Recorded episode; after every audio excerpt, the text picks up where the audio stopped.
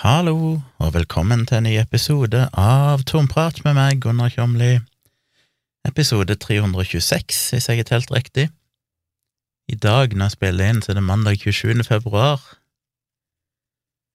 Ja, det er 27., ja. Ja, så i morgen er det 28., og så er det faktisk eh, 1. mars på onsdag, som eh, gir litt håp for framtida. det har vært eh, det har jo vært en mild vinter. Det er ganske sjokkerende hvor forskjellig det er. I fjor, første året, første vinteren vi hadde her i Vennesla, så var det så sinnssykt med snø. Vi har jo en eh, terrasse som er ganske sånn innestengt oppe i tredje etasje, for det huset er bygd i en liten fjellskråning, det er tre etasjer. Tredje etasje er stua, og der kan du gå rett ut av stua, ut på en platting, på en måte, som er inneslutta. Det er liksom fjellvegg på den ene sida, og så er det en skillevegg mot naboen. Uh, ja, så det, det, er helt sånn, det er ganske deilig. Til sommeren så skal jeg springe rundt naken der ute, ingen som kan se meg. Men det er på en måte et lukka område, sånn at uh, når det falt snø der, så ble snøen i stor grad liggende. Ikke en enkel måte å måke på, for det er liksom innestengt, uh, så det er litt sånn Den snøen som faller der, den blir der. Og i fjor så var det jo fuckings en meter med snø, eller sånn store deler av vinteren. Det var jo sånn, vi fikk jo ikke åpna den døra ut til balkongen, eller ut til terrassen, eller hva du skal kalle det. Eh, så det var ekstremt, og det tok jo lang tid før det smelta når varmen endelig kom. Mens i år så er det jo stort sett vært bart. Det har vært et par perioder med lite grann, sånn fem centimeter snø eller sånt som er lei der. Så ganske sånn markant forskjell ganske deilig. Kan sånn sett ikke klage på vinteren, selv om det selvfølgelig ikke nødvendigvis er det beste tegnet at det er sånn eh, ni-ti grader i februar. Det er vel ikke sånn det egentlig bør være. Men, eh, men ja, det er snart vår, og det er mars er liksom måneden du begynner å få litt håp. Det er sånn, ja, nå Jeg kjørte jo dattera mi hjem i går etter å ha vært her i siste del av vinterferien, kjørte hun til Kristiansand. Og da var det jo, når klokka nærma seg seks og det fortsatt var lyst ute, så slo det meg plutselig at oi, shit, nå er det jo For det er alltid sånn at det begynner jo å bli lysere, hva er det, 21. desember, så i går så er det snu sola. Eh, men så føles det jo som at det egentlig bare blir mørkere og mørkere likevel, for at det er vinter og snø og ting er bare dritt. Så det tar en stund før du merker at det faktisk blir lysere, og nå merker jeg det endelig, at nå er det jo faktisk blitt lysere. Så det er deilig. Men samtidig så er jo denne tida av året, sånn mars og til dels april, av og til til og med mai, men spesielt mars og april, for da har du den der sånn åh, nå er det vår, nå begynner våren å komme, du har noen fine soldager, snøen forsvinner, og så er det noen, hvis du er i byen, så er det kanskje noen plasser som har begynt å lefle litt med å sette ut noen stoler på fine dager til å ha bitte grann uteservering, eller iallfall sånn mulighet til å ta en kaffe utendørs. Og så begynner en å tenke at å, nå skal vi ut, det er steigende sol. Det merka jeg jo forrige uke når jeg var i Oslo. Eh, før vi kjørte til Vennesla, så var det noen skikkelig fine dager. Så tenker du å, nå så det deilig ut å bare gå ut og sette seg et sted. Men så går du ut, og så er det jo fortsatt temmelig surt og kaldt. Og Det er liksom den der du blir stadig vekk lurt. Når vi kom her, så gikk vi på fredag, var det vel, så tok vi en tur ned til Kristiansand, meg og Tone og dattera mi. Og tok en liten gåtur rundt, og sendte vi opp et sted og spiste en liten lunsj. Og da eh, var det jo litt sånn det, det, er fint vær, du føler at nå er det vår, og så blir du egentlig lurt, for det er fortsatt kaldt og jævlig. Så det, det er det verste jeg vet, når du har det der håpet i deg og tenker nå er det deilig, nå kan vi gå ut og sette dere et sted, og så sitter du egentlig bare og fryser, for det, det er jo ikke egentlig så varmt. Men, men det kommer seg. Det går framover. Og jeg har noen ting å glede meg til. I går, var det vel, så oppdager jeg plutselig, via en annonse på Facebook eller Instagram eller hvor faen det var, eh, at Dirty Loops skal ha konsert i Oslo 9. mai på Rockefeller. Og som eh, dere kanskje vet, jeg har vel snakka om Dirty Loops før, som jo er ei svensk gruppe bestående av tre eksepsjonelt dyktige musikere. Alle selvfølgelig sånn musikkonservatorier musikkonservatorieutdanna og behersker alt fra klassisk til jazz, og merger det sammen til fantastisk eh, ja, helt absurd bra popmusikk, som er noe av det beste jeg har hørt i hele mitt liv. og er bare helt genialt. og jeg har sett de live en gang før. Meg og Tone kjørte jo ned Når ah, blir det nå? Det må jo ha vært Når flyget? Det er kanskje, kanskje nærmer seg tre år siden, eller noe sånt. Så hadde de konsert på en sånn jazzfestival-ish greie i Fredrikstad. Det er Fredrikstad, er det ikke det? Jo, Fredrikstad. Eh, så kjørte vi ned der i den tiden vi bodde i Oslo, og de hadde konsert inne i en eh, plass som bare føltes veldig malplassert, med tanke på at de er signa av eh, Quincy Jones, og de er liksom så svære, og så hadde de en konsert på en sånn ganske rølpete, shabby utested i Fredrikstad. Men det var kult, jeg digga det jo. Tone er jo ikke så fan av den musikken, men hun, hun utsto det vel til nød. Men, eh, men, jeg har sett de før, men det var ikke de helt optimale forholdene. Men nå skal de ha konsert igjen, og jeg måtte jo bare rett inn og kjøpe billett, for det er ikke noe tvil om at jeg eh, skal på den konserten. Bestilte kun til meg sjøl og tenkte jeg skulle ikke plage Tone med å dra henne med. Så får jeg se om jeg eh, får med meg en kompis, eller om jeg ender opp med å måtte gå alene, men jeg går gjerne alene hvis det er det som må til for å se Dirty Loops 9. mai på Rockefeller. Tror det var Rockefeller eller en av de scenene der. Så det gleder jeg meg til. Det er et høydepunkt. Det blir en, noen travle dager, for da er det jo som sagt jeg skal fotografere noe greier på lørdag 6. mai, og så skal jeg rett på flyet til Bergen, og neste morgen skal jeg holde et foredrag 7. mai. Så kommer jeg tilbake igjen til Oslo, og så er det åttende. Da skjer det ikke noe spesielt, og så er det niende, skal jeg på konsert. Så det blir gøy. I tillegg, og det har jeg jo glemt å si, så har jeg jo kjøpt billetter til en annen konsert. Altså, jeg går jo nesten aldri på konserter. Det er kanskje én konsert i året, mm, i et godt år. Men dette året blir jo plutselig eh, sjokkerende, for nå skal jeg på Dirty Loops. Eh, og så har jeg jo nevnt allerede at jeg har bestilt billett til Peter Gabriel i eh, Bergen. Når var det? 2. juni, tror jeg. Og så skal jeg til London på Nick Kershaw-konsert. Nick Kershaw er jo min all-time eh, favorite-artist, og han Det kommer òg opp, for jeg følger noen sånn Nick Kershaw-gruppe og hans offisielle Jeg vet ikke om det er hans konto eller Facebook-side på, på, Facebook, og der dukker det opp at han eh, for første gang på elleve år, tror jeg det var, så skulle han ha en turné med band.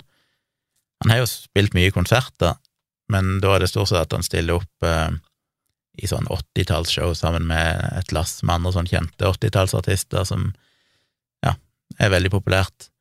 Men det er lenge siden han har hatt en egen turné, og så har han òg hatt noen konserter der han bare er med kassegitar og sånn. Jeg har jo sett han live kanskje bare to ganger før. Jeg så han vel en gang eh, på Rockefeller. Eh, da var det med fullt band.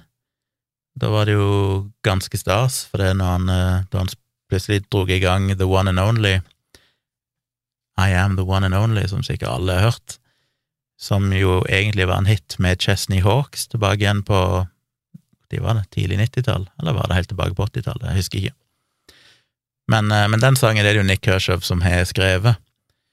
Så sa han han skulle spille den, men han hadde en special guest, og så kommer fuckings Chesney Hawks inn på scenen på Rockefeller helt uannonsert og synger sangen sammen med Nick Kershaw og bandet, og det var jo et høydepunkt.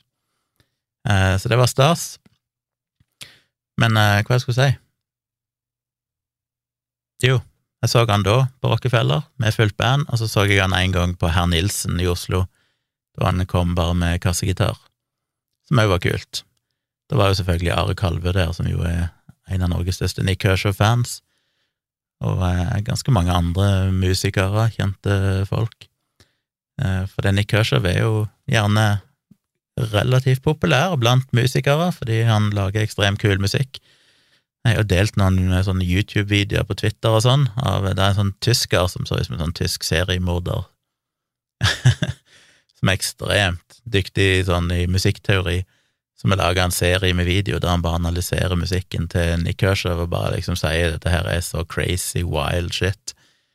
For det er jo sanger som tilbake på 80-tallet, mange av de hitene han hadde, høres jo ut som, og det er jo det som er så genialt med Nick Kershaw, som jeg alltid gjentar til, det kjedsommelige, at han klarer å lage musikk som er kommersiell og fengende, og så begynner du å gå inn og se på hvordan er denne sangen skrevet, og så er det helt insane med de akkordskiftene, de toneartbyttene han gjør, eh, taktartene han bruker, så mye jazz og klassisk eh, influerte greier Influerte? Eh, inspirerte greier. Som bare bryter alle regler og lover, holdt jeg på å si, for hvordan du skal skrive sanger og sånn. Så det, det er fascinerende å se de videoene der han bare går så detaljert gjennom det og viser hvilke teknikker han bruker, og hvor crazy shit han egentlig gjør. Så det er veldig kult, og derfor er han jo veldig populær blant musikere. Og når han først spiller inn noe, altså de musikerne han hadde med seg på de første albumene i, i gamle dager, var jo liksom de beste av de beste.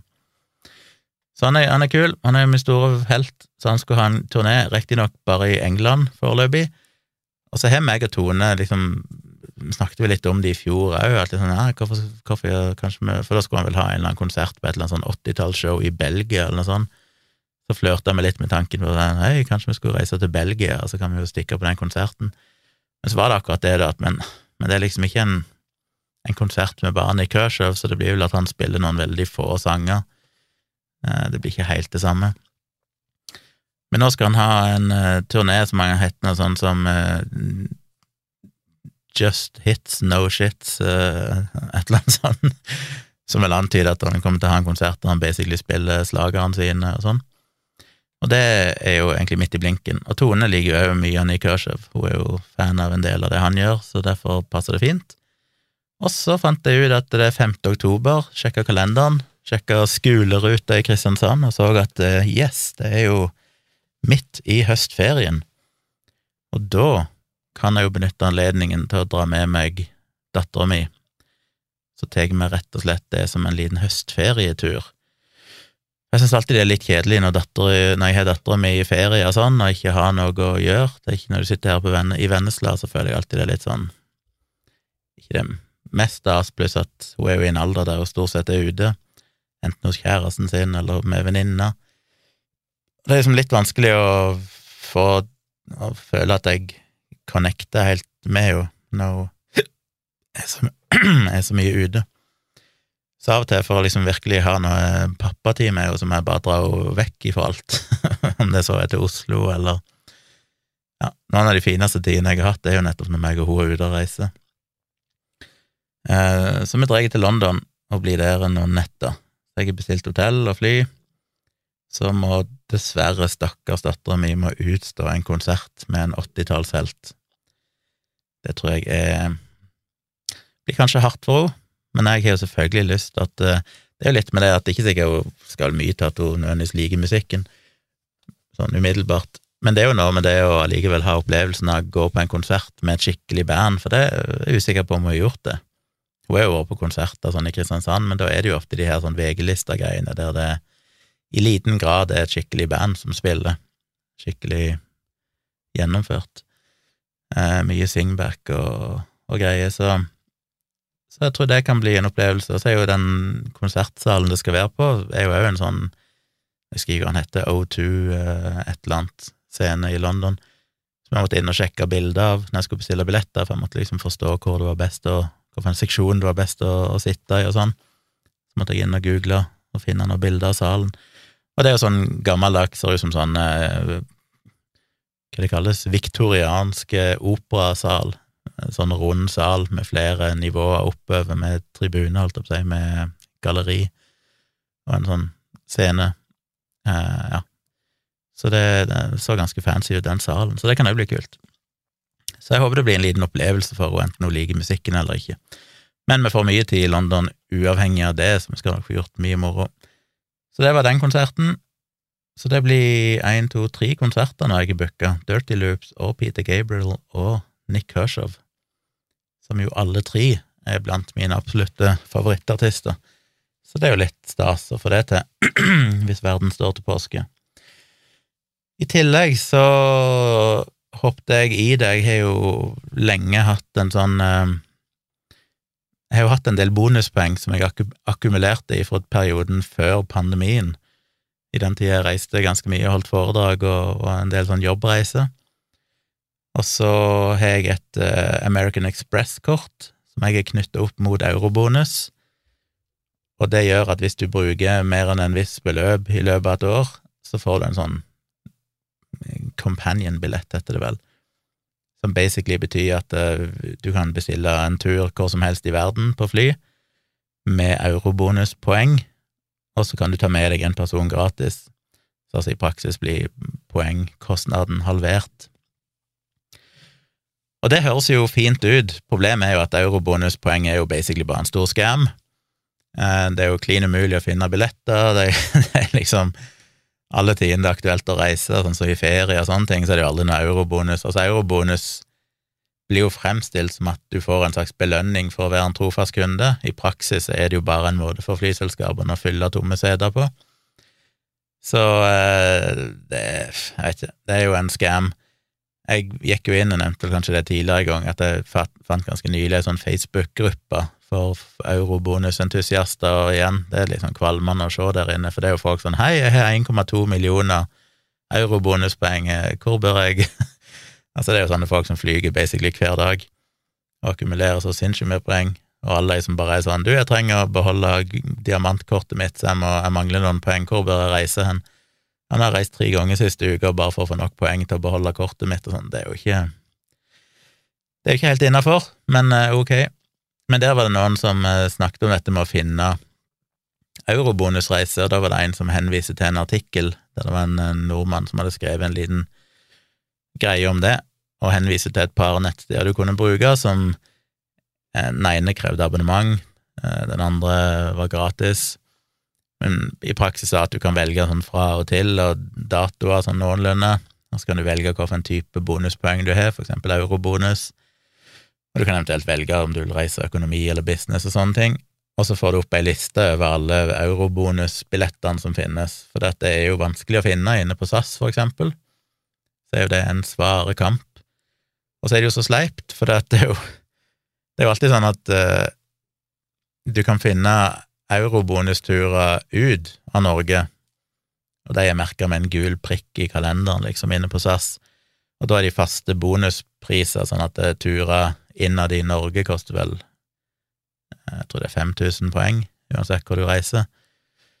Eh, I Europa ish så er det 15 000 poeng uansett hvor du reiser. Eh, altså 15 for økonomibillett, og så er det vel 25 for en sånn SAS pluss-billett. Og så er det andre steder i verden så er det litt mer, men det er sånn fast. Og da får du mye ut av de poengene. Du kan reise temmelig langt eh, for relativt få poeng. Men så er det jo problemet at du skal komme deg hjem igjen, og når du da skal finne korresponderende returreise, så er jo de plutselig utenfor dette eurobonusopplegget, så du kan bruke poeng, men da bruker de en slags sånn krone til poengkonvertering, sånn at jo dyrere billetten er, jo flere poeng koster det. Så det blir ofte sånn at ja, du finner en billett ut til 15 000 poeng, som er relativt lite, men når du skal hjem igjen, så koster det liksom 73 544 poeng. Så det er jo ja, det er jo noe drit, det er bare klin umulig. Så finnes det visst et eller annet sånt firma du kan bruke, som tar et lite gebyr, men hvis du er en sånn person som ofte reiser og bruker mye eurobonusgreier, så kan du visstnok bruke deg som en slags assistent, der du bare sier du, jeg skal til Tokyo i april, kan du finne eurobonusbilletter? Og så gjør de den jobben manuelt for deg og setter opp reiseruter og finner liksom de rette turene og sånn. En jobb som er nesten umulig å gjøre på egen hånd uten å sitte i timevis, eller da selvfølgelig kan du ringe direkte til SAS og be de fikse det for deg, men da er det jo gjerne 45 minutter i telefonkø først, og så må du ha forberedt deg ganske godt i forkant og ha en sånn liste over hvilke aktuelle fly du kan tenke deg å ta og sånn, så det er jo det er jo en scam. Men jeg har hatt de eurobonuspoengene lenge, jeg har hatt en sånn 150 000 poeng-ish, og så går ganske Jeg har allerede vel mista noen av de fordi jeg har gått ut på dato, og så går det ut ganske mange flere av poengene mine utløper i september. Så må jeg i løpet av 2023 bruke den companion-billetten, hvis ikke så går den ut på dato. Og så er det lenge siden meg og Tone har reist noen plass sammen. Det har vi vel ikke gjort siden Det er lenge siden. Har vi Ja, det, det Lurer på om det var 2019 sist meg og Tone reiste noen plass i hop. Vi ble selvfølgelig begrensa av pandemien et par år, 2020 og 2021. Og I fjor så var vi ikke på noen tur sammen, så det er vel tre år siden sist vi har reist noen plass. Så vi snakka litt om det, vi hadde liksom, for i 2020 skulle vi egentlig ha en tur til Praha i april, men så kom jo pandemien i mars, så da ble jo den kansellert. Og litt sånn, så vi, vi har savna litt det å, å, reise sammen en plass. Så Vi endte opp med, og jeg begynte å sjekke litt for moro skyld, og så har vi snakket litt tidligere om Italia. Kanskje det var litt gøy å reise til Italia. Jeg har vært i Italia to ganger før, en gang i Roma for ganske mange år siden, sikkert snart ti år siden. Og så var jeg en tur på Sis... Nei, var det Sicilia? Sardinia? Sardinia, var det vel. En av de øyene som var mer en sånn sydenaktig tur eh, med dattera mi. Fordi jeg hadde ei venninne med ei datter som hadde bodd der nede tidligere og snakka flytende italiensk og alt mulig sånn, og skulle ned der, og så spurte hun kanskje om jeg hadde lyst til å, å joine, så de reiste ned litt før oss, men så bare visste jeg hvilket hotell de var på, og sånn, så bare booka jeg fly og, og sted på samme hotell, og det var helt perfekt, for da hadde Maja ei venninne å leke med, og vi kunne bare chille der noen dager. Det var utrolig fint, men det var selvfølgelig en ekstremt varm sommer, det var sånn 42 grader og sånn, så det var jo nesten uutholdelig å, å gå rundt og kikke i byen. Det var ikke egentlig noe by, det var ganske sånn lite, lite sted. Men, men, ja, så jeg har vært i Italia før. Men det var jo før jeg begynte å fotografere. Så vi snakka litt om det, hvor kult å reise til Italia. Og så kan du selvfølgelig sitte i timevis og researche. Det er sånn, Burde vi reise der eller der eller der eller der? Det er så mange muligheter. Men litt sånn tilfeldig så bare gikk jeg inn på SAS, og så bare skrev jeg Italia som destination. Og så får du en nedtrekksliste med forskjellige flyplasser i Italia, og så bare valgte jeg en. Catania, er det det det heter? Som ligger på Sicilia, vel, rett med vulkanen Etna. Og så bare googla jeg det stedet, og så tenkte, så jo det kult ut. Det er jo en relativt sånn ja, stor by, i det, store og stor, da, men eh, 300 et eller annet tusen innbyggere, så det er jo ikke en liten landsbygd. Men det er jo liksom rett med vulkanen Etna, masse historie og katedraler og museer og katakomber, og ligger ved sjøen, selvfølgelig, og, og litt sånn, så da tenkte jeg ja, det er vel like, altså, det er tusen andre plasser vi kunne reist, men uansett hvor vi havner hen, så er det sikkert akkurat like greit. Eh, vi skal jo ikke være der i månedsvis, så i løpet av de dagene vi er der, så skal det vel mye til at vi mistrives. Og så fant jeg jo da eurobonusbilletter der jeg selvfølgelig wasta ganske mange poeng, nettopp på at du får eurobonus på veien ut. Så får du brukt den der companion-billetten, men på tilbaketuren så koster det sinnssykt mange poeng, og der får jeg ikke brukt den companion-billetten, for den gjelder kun på de turene som er merka med en gul prikk, som er en sånn dedikert eurobonusreise. Og det fantes jo ingen returreise, eh, med mindre vi skulle være der i mange måneder, men i løpet av liksom sånn én til to uker så var det jo ingen returreise. Så igjen, det er jo bare en skam. det er jo klin umulig. Selvfølgelig kan du sikkert da begynne å sjekke andre Star Alliance flyselskap og gjøre hele den jobben, for du kan jo bruke eurobonuspoeng der òg, men det er sånn, igjen, da er det, da er, ja, det er jo ikke det er jo ikke noe vanlige mennesker kan holde på med, så jeg tenkte fuck it, jeg har hatt de poengene så lenge, jeg må bare få brukt de, de kommer til å utløpe snart, og jeg hadde akkurat nok poeng til å bestille reisen for begge to på SAS pluss eh, som igjen er litt waste, for det er bare sånn tre og en halv times, litt under fire timers flytur. Da er det ikke så kritisk om en har SAS pluss eller ikke, men, men, kjekt å ha. Jeg fikk bare lyst til å bruke opp de poengene en gang for alle, når jeg har hatt de så lenge. Eh, så da fikk vi jo flyturen gratis. Det vil si 800 kroner i gebyrer eller noe sånt, men bortsett fra det, gratis. Og så fant vi et greit hotell. Eh, igjen, tusenvis av hotell å velge mellom. Det er så vanskelig, jeg hater når det er så mange valg. Men vi gikk nå for et som så eh, ganske fint ut, og lå liksom i gamlebyen der, og visstnok i et område med mye kafeer og sånn på utsida, og det er jo perfekt for oss. Så vi endte opp med å booke ei uke der, og, og, det blir jo da helt i begynnelsen av vel i månedsskiftet juli-august, jeg var vel fra 2. august til 9. august eller noe sånt, som betyr at jeg har bursdag når jeg er der nede, for jeg fyller jo år 3. august, så det er jo litt koselig, kan vi ha en liten bursdagsfeiring. Og så er det en veldig stille periode på jobben, for jeg er ganske begrensa av at jeg kan egentlig ikke reise når det er mye trøkk på jobb. Men jeg husker fra fjor og de siste årene, så er det liksom akkurat begynnelsen av august, slutten av juli, når det er fellesferie og sånn, så er det veldig rolig på, på jobbfronten for meg òg, så det er liksom den beste perioden. Jeg må jo allikevel ha med datamaskin og svare på noen mailer og sånn hvis det skulle dukke opp, men stort sett så er det ganske så rolig, da. Så det blir kult. Da har vi jo to turer, en London-tur og en Italia-tur. En for å underholde dattera mi, holdt jeg på å si, og en for å være en eh, romantisk tur for meg og Tone. Så det er mye å glede seg til. Og så er det jo en del å snakke om i denne episoden. Eh, jeg kommer sikkert til å skippe en del. Jeg hadde faktisk notert en del. Jeg så Jeg skrev en tweet eh, tidligere i dag, og så hadde en av mine lyttere skrevet jeg, ja, Tweeten var som følger.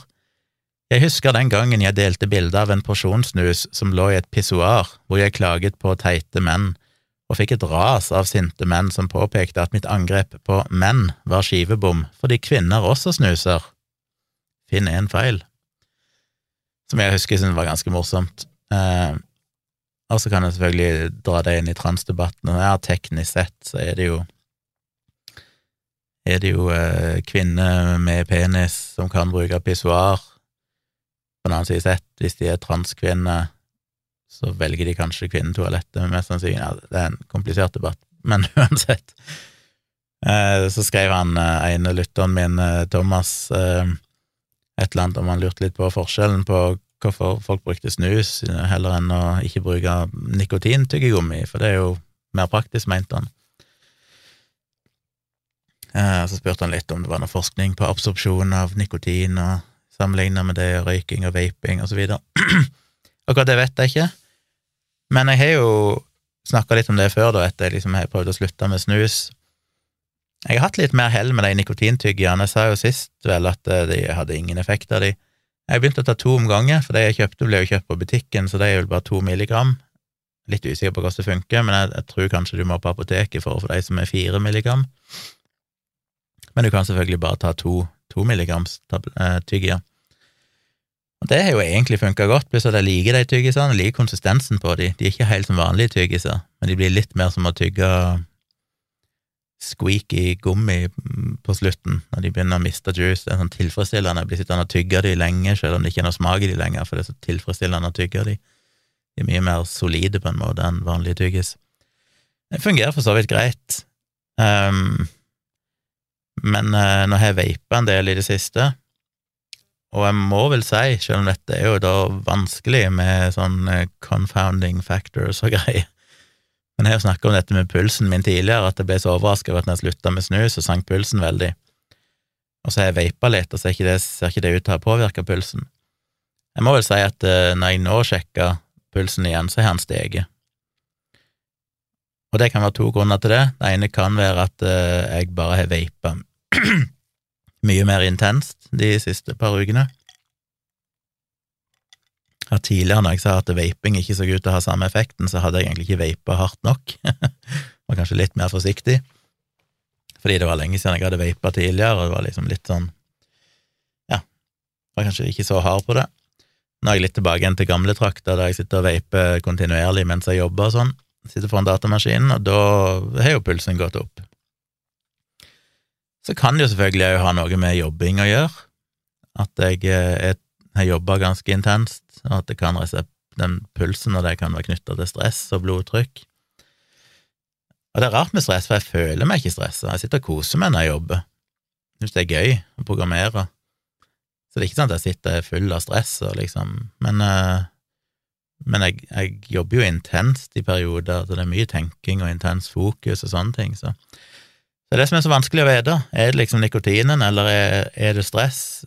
Eh, når jeg er liksom stressa og jobber hardt, så vaper jeg jo mer. Hvis jeg sitter oppe i stua og ser på TV og sånn, så vaper jeg jo ikke.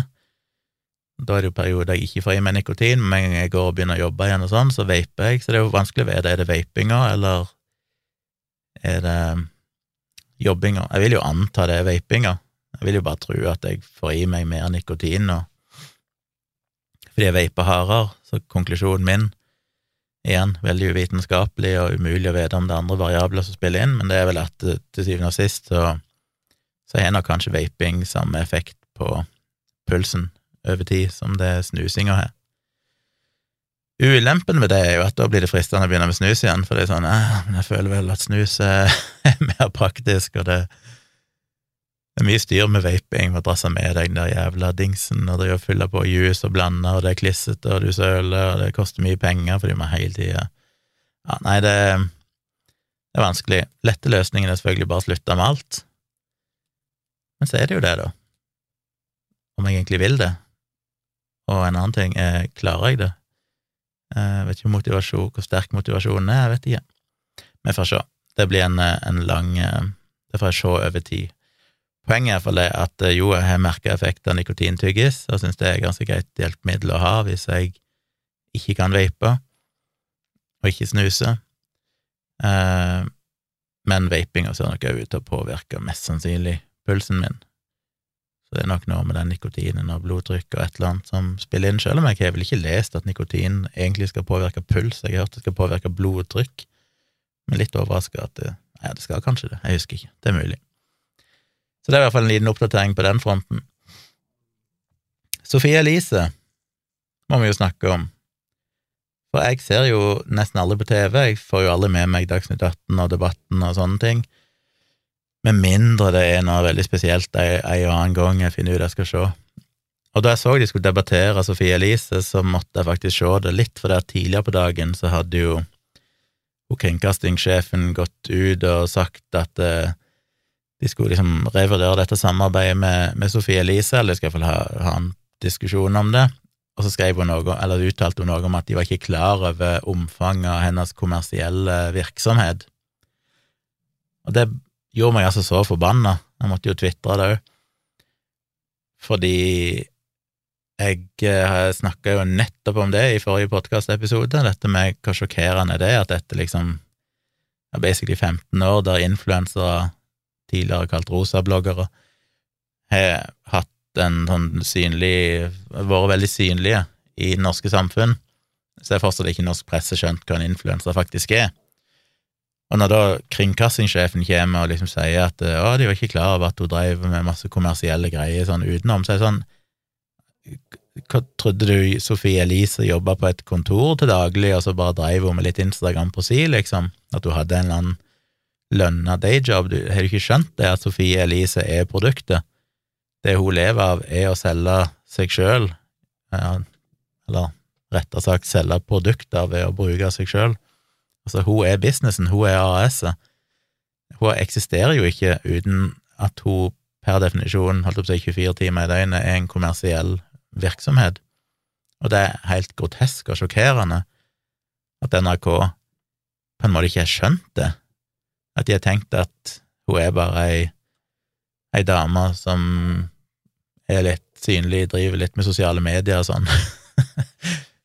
er flink på sosiale medier og så, hun, så driver hun med en podkast, det kan være interessant å ha.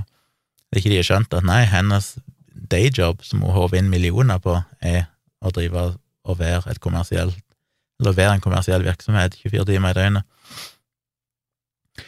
Og det er sjokkerende, og ganske deprimerende. Eh, men jeg så nå debatten, da, og der bekrefta hun jo mye av det samme, hun kringkastingssjefen. Jeg ble jo sjokkert over at hun liksom snakket om dette her med at ja, NRK hadde syntes det var viktig å løfte fram nye stemmer, og det er sånn hæ? Her snakker vi altså om et AS som har håva inn flere millioner i året, som for noen år siden ble kåra til Norges mektigste kvinne, som basically er en A-kjendis, er mer i media enn omtrent noen andre, som får forsideoppslag i alle tabloidene bare hun fiser og så er det liksom å løfte fram nye fronter, nye stemmer. Det kan være hun mente det, nei, kanskje vrang, hun mente det kanskje i en form som en ny stemme i NRK sin portefølje, altså en ny type aktør, at det ikke var så typisk for NRK å ha hatt den type folk lenger, men det er liksom sånn ja, Måten hun sa det på, fikk det til å høres ut som at de virkelig trodde at Sofie Elise hun er en spennende figur som har gjort noen interessante ting, kanskje vi burde hjelpe å promotere henne som om hun trengte noen som helst drahjelp fra NRK til akkurat det. Så det er jo sjokkerende. Når det er sagt, så var jo den debatten i stor grad bygd på feil premisser. Han ble vel hanka litt inn på rette spor mot slutten av noen av gjestene, men det gikk jo veldig mye på dette med innholdet. Han har da eh, programlederen driver og utfordrer kringkastingssjefen på dette med er det greit at innhold om, da de snakker om å bli rundpult og sånn, er det greit, er det godt innhold? Og jeg ser andre skrive mye om jeg har skrevet kronikker og diverse om innholdet, og jeg, jeg skrøyter vel for så vidt av en av de tidligere i podkasten, Det var vel denne Astrid Mæland, tror jeg. Men jeg syns skrev ganske godt om det, men samtidig så føler jeg at det er helt feil fokus. Fordi ja, du kan sikkert klage på innholdet til Sofie Elise, men to ting er helt sikkert. Det ene er at ja, selvfølgelig blir hun mer kritisert fordi hun er kvinne. Altså, det, det er det ingen tvil om. Hun fortjener mye kritikk for en del av de tingene hun har gjort, og jeg skjønner at hun setter seg sjøl i skuddlinja fordi det er en form for jantelov, ikke sant, at hvis du er for mye oppmerksomhet og fokus, så er det jo mye lettere å kritisere. Så det, det, Du kan sikkert si det er mange andre variabler som spiller inn, men en, en viktig ting er jo at hun får ufortjent mye kritikk fordi hun er kvinne. Eh, og det tror jeg det er vanskelig å komme utenom. Eh, du kan sikkert finne millioner av eksempler på verre ting. Jeg, jeg vet jo inderlig godt at det meg og Dag har snakka om i, i, Dialogisk, så har vi snakka om betydelig mer barnslige og verre og seksualiserte og perverse ting enn det sikkert Sofie og Fetisha noen ganger har gjort i sin podkast, men det er ingen som kritiserer oss for det. For det er liksom greit når vi er menn. Um, så det er det ene. Jeg tror definitivt at jeg føler det er skivebom å drive og snakke om innholdet i podkasten. Selvfølgelig er det interessant i kontekst av er det det NRK bør liksom pushe ut som viktig, det kan du selvfølgelig ta som en del av debatten, men når de snakker om det på en nedsettende måte, som om det er noe galt i seg sjøl, at de snakker om det i podkasten, så er jeg ikke helt med, for det er sånn, det er deres podkast, det må de kunne snakke om, jeg, du kunne sikkert finne mye verre ting og, i min, i både denne podkasten og iallfall i dialogisk, og det blir liksom, vi kan ikke være så pripne, vi skal reagere på det. Hvis det er Sofie og Fetisha sitt liv og ting de syns det er gøy å snakke om, og tydeligvis stort publikum ønsker å høre om, siden de har store lyttertall, så er det liksom fair. Det andre er jo det at jeg ville jo følt det var veldig feil om om NRK skulle lagt seg opp i innholdet, med mindre de spesifikt var hyra inn for å snakke om et eller annet spesielt tema, selvfølgelig, eller ha en spesiell profil, men hvis de kun er hyra inn for å, å basically være populære, for å trekke unge seere og lyttere til NRK sin plattform, så syns jeg ikke vi skal ha noe debatt om hva, de, hva innholdet i den podkasten er. Jeg hadde blitt dritforbanna hvis, hvis for eksempel NRK hadde inngått en avtale med Dialogisk, og så hadde noen påpekt at du, det dere snakket om der, det var ganske drøyt, eller det var ganske barnslig, eller sånn, Men det er, jo, det er jo det vi gjør. Det er Forskjellen på dialogisk og Sofie og Fetisha er jo selvfølgelig at forhåpentligvis har vi ganske mye mer intellektuelt intellektuelt og nyttig og informativt innhold i tillegg til all den fjasinga og drøye tingene vi snakker om. Men igjen, ja, det hadde vært like lett å angripe oss hvis Dialogisk hadde vært en podkast på NRK-plattformen, men igjen så tror jeg heller ikke vi hadde blitt så kritisert, nettopp fordi vi ikke ikke er kvinne. Så jeg syns det var litt skivbom. skivebom. Det de burde diskutert, var jo selvfølgelig det jeg snakket om i forrige episode, eh, som er dette med de kommersielle aspektene. Det var det jo altfor lite fokus på, at dette handler jo ikke om Sofie Elise, det handler jo om eller det handler ikke om hva det heter, Sofie Sten Isaksen eller noe sånt, egentlig. Det handler jo om Sofie Elise AS, som er selskapet, og at de ikke har skjønt at det selvfølgelig per definisjon er kommersiell virksomhet. Og de vil ikke si hva hun tjener. Jeg har jo hørt det fra andre kanaler at uh, hvis du blir hyra inn for å ha en podkast på NRK, så er det fort snakk om at du får ei god årslønn for å produsere en ukentlig episode. Og Det høres ut som en ganske sweet deal. Hvis du i tillegg er Sofie Elise, som er såpass populær og kjent, så kan det godt være du får enda mer enn det. Så det er ikke snakk om at hun liksom får 50 000 for å gjøre det, hun får nok noen hundre tusen, kanskje en million, gudene vet, men iallfall ei veldig god årslønn vil jeg jo anta at hun får for, for, den jobben. Så det er mye penger eh, for en person, ikke så mye penger sånn sett i NRK sitt budsjett, men eh, men, eh, men hun kunne selvfølgelig levd av det. Så de, teknisk sett så kunne de sagt at hvis du gjør dette, så må du samtidig fraskrive deg annen kommersiell virksomhet som kan eventuelt stå i strid med dette. Eh, altså kan du fortsatt ha ei god årslønn, men nå har jo både ei god årslønn i tillegg til at hun tjener penger på alt det andre piss hun driver med, så når jeg sier piss, så sikter jeg jo til, det vanlige gode gammeldags rosa blogger, influenser, salgsgreiene hun driver med som ikke er så fryktelig interessant.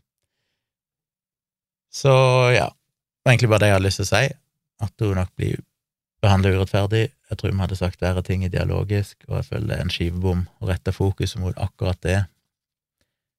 Uh, Hadde jeg spilt inn den episoden like etter så debatten, så er det sikkert mye mer å si. Jeg satt og brant inne med så mye. Men uh, det var det jeg noterte meg et par punkter, og så var det det jeg husker nå, så da får det bli med det. Jeg snakket jo òg om eh, Snakket jo òg om eh, fugleinfluensa, det var vel òg bare i forrige episode. Og det var vel dagen etter omtrent, eller kort tid etter jeg hadde spilt inn den episoden, så dukka det jo opp noen nye tilfeller som var ganske scary. Det ble jo først haussa ganske mye opp. Jeg vet ikke om det var skrevet om det i norske aviser, jeg har ikke lagt merke til det. Det betyr ikke at det ikke er blitt skrevet, jeg har bare ikke sett det. Men det har vært en del eh, oppstyr om det på Twitter, i sosiale medier og andre utenlandske aviser, og Verdens helseorganisasjon har jo kommet med en uttalelse. Og det er jo at det ble oppdaga et tilfelle av fugleinfluensa i Kambodsja der eh, det var de to første tilfellene av fugleinfluensa i mennesker i Kambodsja siden 2014, da de visstnok hadde et litt større utbrudd. Eh, igjen, vi vet jo ikke om det smitter mellom mennesker, mm, ikke vært dokumentert at det har skjedd. Smitter stort sett ved at eh, folk har veldig mye kontakt, nærkontakt, med døde eller levende fugler. Men eh, men her har vi altså hatt et tilfelle. Først var det ei elleve år gammel jente fra Sør-Kambodsja som ble sjuk og ble testa. Fant ut det var H5N1, altså fugleinfluensa, den 16. februar i år. Hun fikk symptomer, ble behandla på et lokalt sykehus, men endte dessverre opp med å dø 22. februar, så hun døde av denne sykdommen i løpet av relativt kort tid. Elleve år gammel jente, altså. Og så fant de ut at det var fugleinfluensa, så da begynte jo helsemyndighetene der å, ja, gjøre det de skulle gjøre, og det var å begynne å teste alle hun hadde vært i nærkontakt med, som det var tolv personer eller noe sånt. De fant eh, ikke verken SARS-CoV-2 eller H5N1 i noen av de, bortsett fra faren hennes. Han testa positivt på H5N1, men utvikla aldri noen symptomer, og er foreløpig gått greit med han. Eh, og så har de da gjort sånn genetisk sekvensering av dette viruset på hun jenta. De har ikke gjort det på det viruset de fant i faren ennå, de vet at det var H5N1, men de har ikke funnet ut nøyaktig spesifikk hvilken variant det er. Og de har funnet ut at det som hun jenta hadde, var heldigvis eh, ikke en nyere variant som de har vært litt bekymra for, men en eldre variant som allerede har sirkulert i en del år i Kambodsja, så derfor var det litt mindre truende. Men en har vært veldig redd for at når du da For først gikk det litt falske rykter om at tolv personer var smitta av hun jenta. Så da gikk jo folk i panikkmodus. Var sånn ok, shit, nå er det Nå bryter alt helvete løs. Nå har vi plutselig menneske-til-menneske-smitte i tolv personer. Så kom det jo fram at det var noe greier som hadde blitt lost in translation ifra ja, gudene vet hvilket språk de snakker i, skriver i Kambodsja, og til engelsk og at realiteten var at de tolv hadde blitt testa, men de hadde ikke påvist noe smitte hos dem, at det var kun hun jenta og faren hennes som var smitta, og at det var kun jenter som døde. Så det var mindre kritisk. I starten så trodde jo alle at oi, shit, nå har vi jo et lite menneske, utbrudd blant mennesker her, og det er jo ikke helt bra. En vet jo selvfølgelig ikke ennå om eh, jenta har smitta faren, eller motsatt, Eh, for det driver de vel og sjekker, prøver å finne ut av nå, blant annet med å finne ut hvilken variant han har, om de har nøyaktig samme varianten, og bla, bla, bla. Eh, men det er ingenting som tyder på det foreløpig. Det er ikke noen nødvendigvis noen grunn til å anta det, men det er klart, finner de det, at hun har smitta han, eller motsatt, hvis de kan finne ut det, så er det jo ganske scary, for da har vi jo plutselig et tilfelle av menneske-til-menneske-smitte. På nettsidene til Verdens helseorganisasjon så skriver de at uh, at smitte mellom mennesker er unusual, altså uvanlig, som var litt rart, for det så vidt jeg vet, så er det ikke påvist noen tilfeller av at mennesker har smitta andre mennesker. Så litt rart at de skriver unusual. Det er kanskje bare for å safe, fordi de ikke helt kan si det med sikkerhet, men, eh, men ja, litt rart. Så litt sånn rart at like etter jeg hadde snakka om fugleinfluensa, så dukker det plutselig opp noen nye tilfeller, og så er det sånn shit, nå er det smitte mellom mennesker her, som da forhåpentligvis viser seg å ikke stemme. Mest sannsynlig så er det ikke det. Men de er jo ganske bekymra likevel. For hver gang du får disse utbruddene, og hvis det dukker opp nye varianter og sånn, så er det jo ytterligere nye muligheter for at det kan være en mutert variant som plutselig kan smitte mellom mennesker. Så det er jo en sak de følger nøye med på.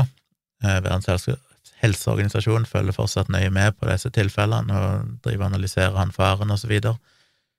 Eh, men jeg har ikke funnet noe nyere informasjon enn det som kom ut for noen få dager siden, så det ikke var noen stor oppdatering det siste døgnet eller noe sånt. Hvis det blir det, så skal jeg selvfølgelig prøve å nevne det.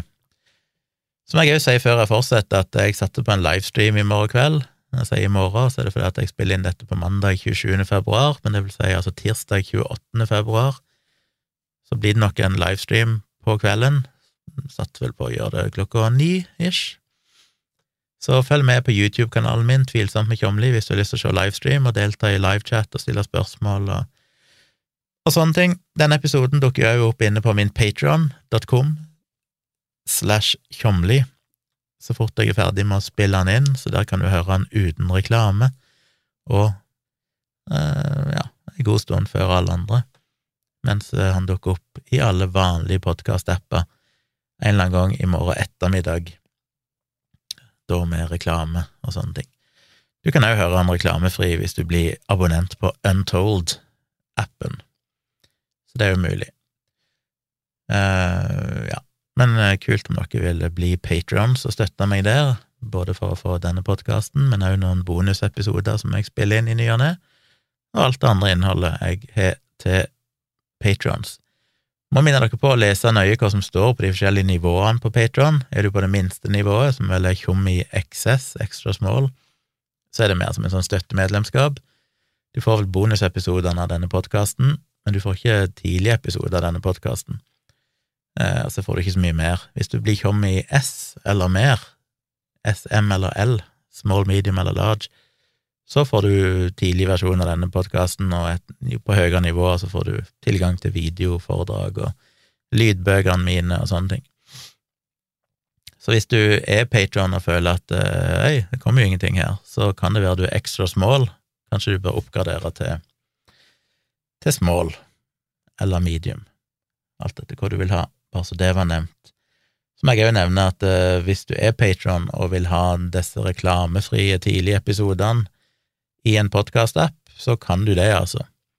Det ligger noen poster som beskriver det et eller annet sted nede i feeden, eller du kan bare google 'How to add uh, Patron uh, audio' eller 'Patron podcast to my podcast app', så finner du noen hjelpesider som forteller det. Kort sagt så handler det vel om at du må gå inn i profilen din, og så er det en eller annen link inne på Patron-profilen din, der du kan finne link til RSS-feeden, eller audio-RSS-feed, eller podcast-feed, eller noe sånt. Og så kan du legge den inn i podkast-appen din. Og så må du autentisere med Patron-brukernavn og passord en gang, vil jeg tro, hvis ikke det er automatisert, det er jeg litt usikker på. Men du finner guider til det på nettet. Skulle du være veldig usikker, send meg en mail i, eller en melding i innboksen på Patron, så skal jeg ta og sende deg link til en forklaring. Eh, så du kan altså få disse reklamefrie episodene i Pocketcast og Acast og alt det andre du måtte ha podkastprogrammer. Eh, du kan ikke få de i Spotify, for eksempel. Hvis du bruker Spotify, så får du bare de åpne variantene. Du kan vel ikke legge til sånne passordbeskytta unike podkaster i Spotify, så vidt jeg vet, men de fleste vanlige podkast-apper, så kan du det. Um,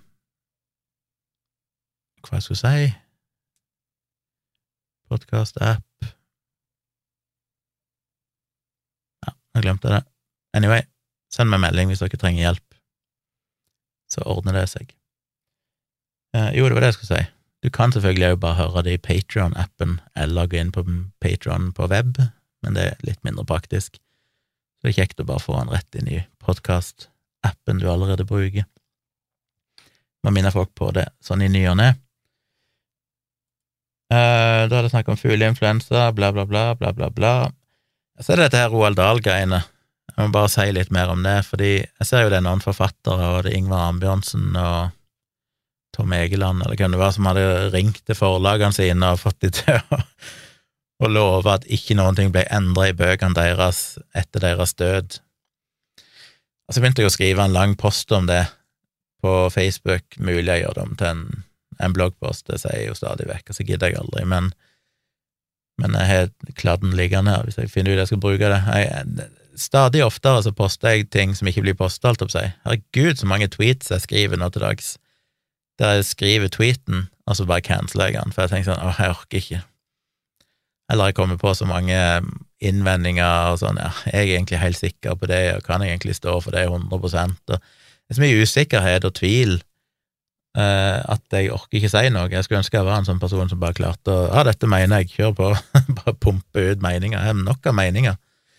Sitter og er sint og er irritert på alt mulig, men hver gang jeg skal skrive noe om det, så er det sånn åh, jeg må enten sette meg ned i noen timer og researche og skrive en lang bloggpost, men å bare skrive en tweet om det, det er sånn Ja.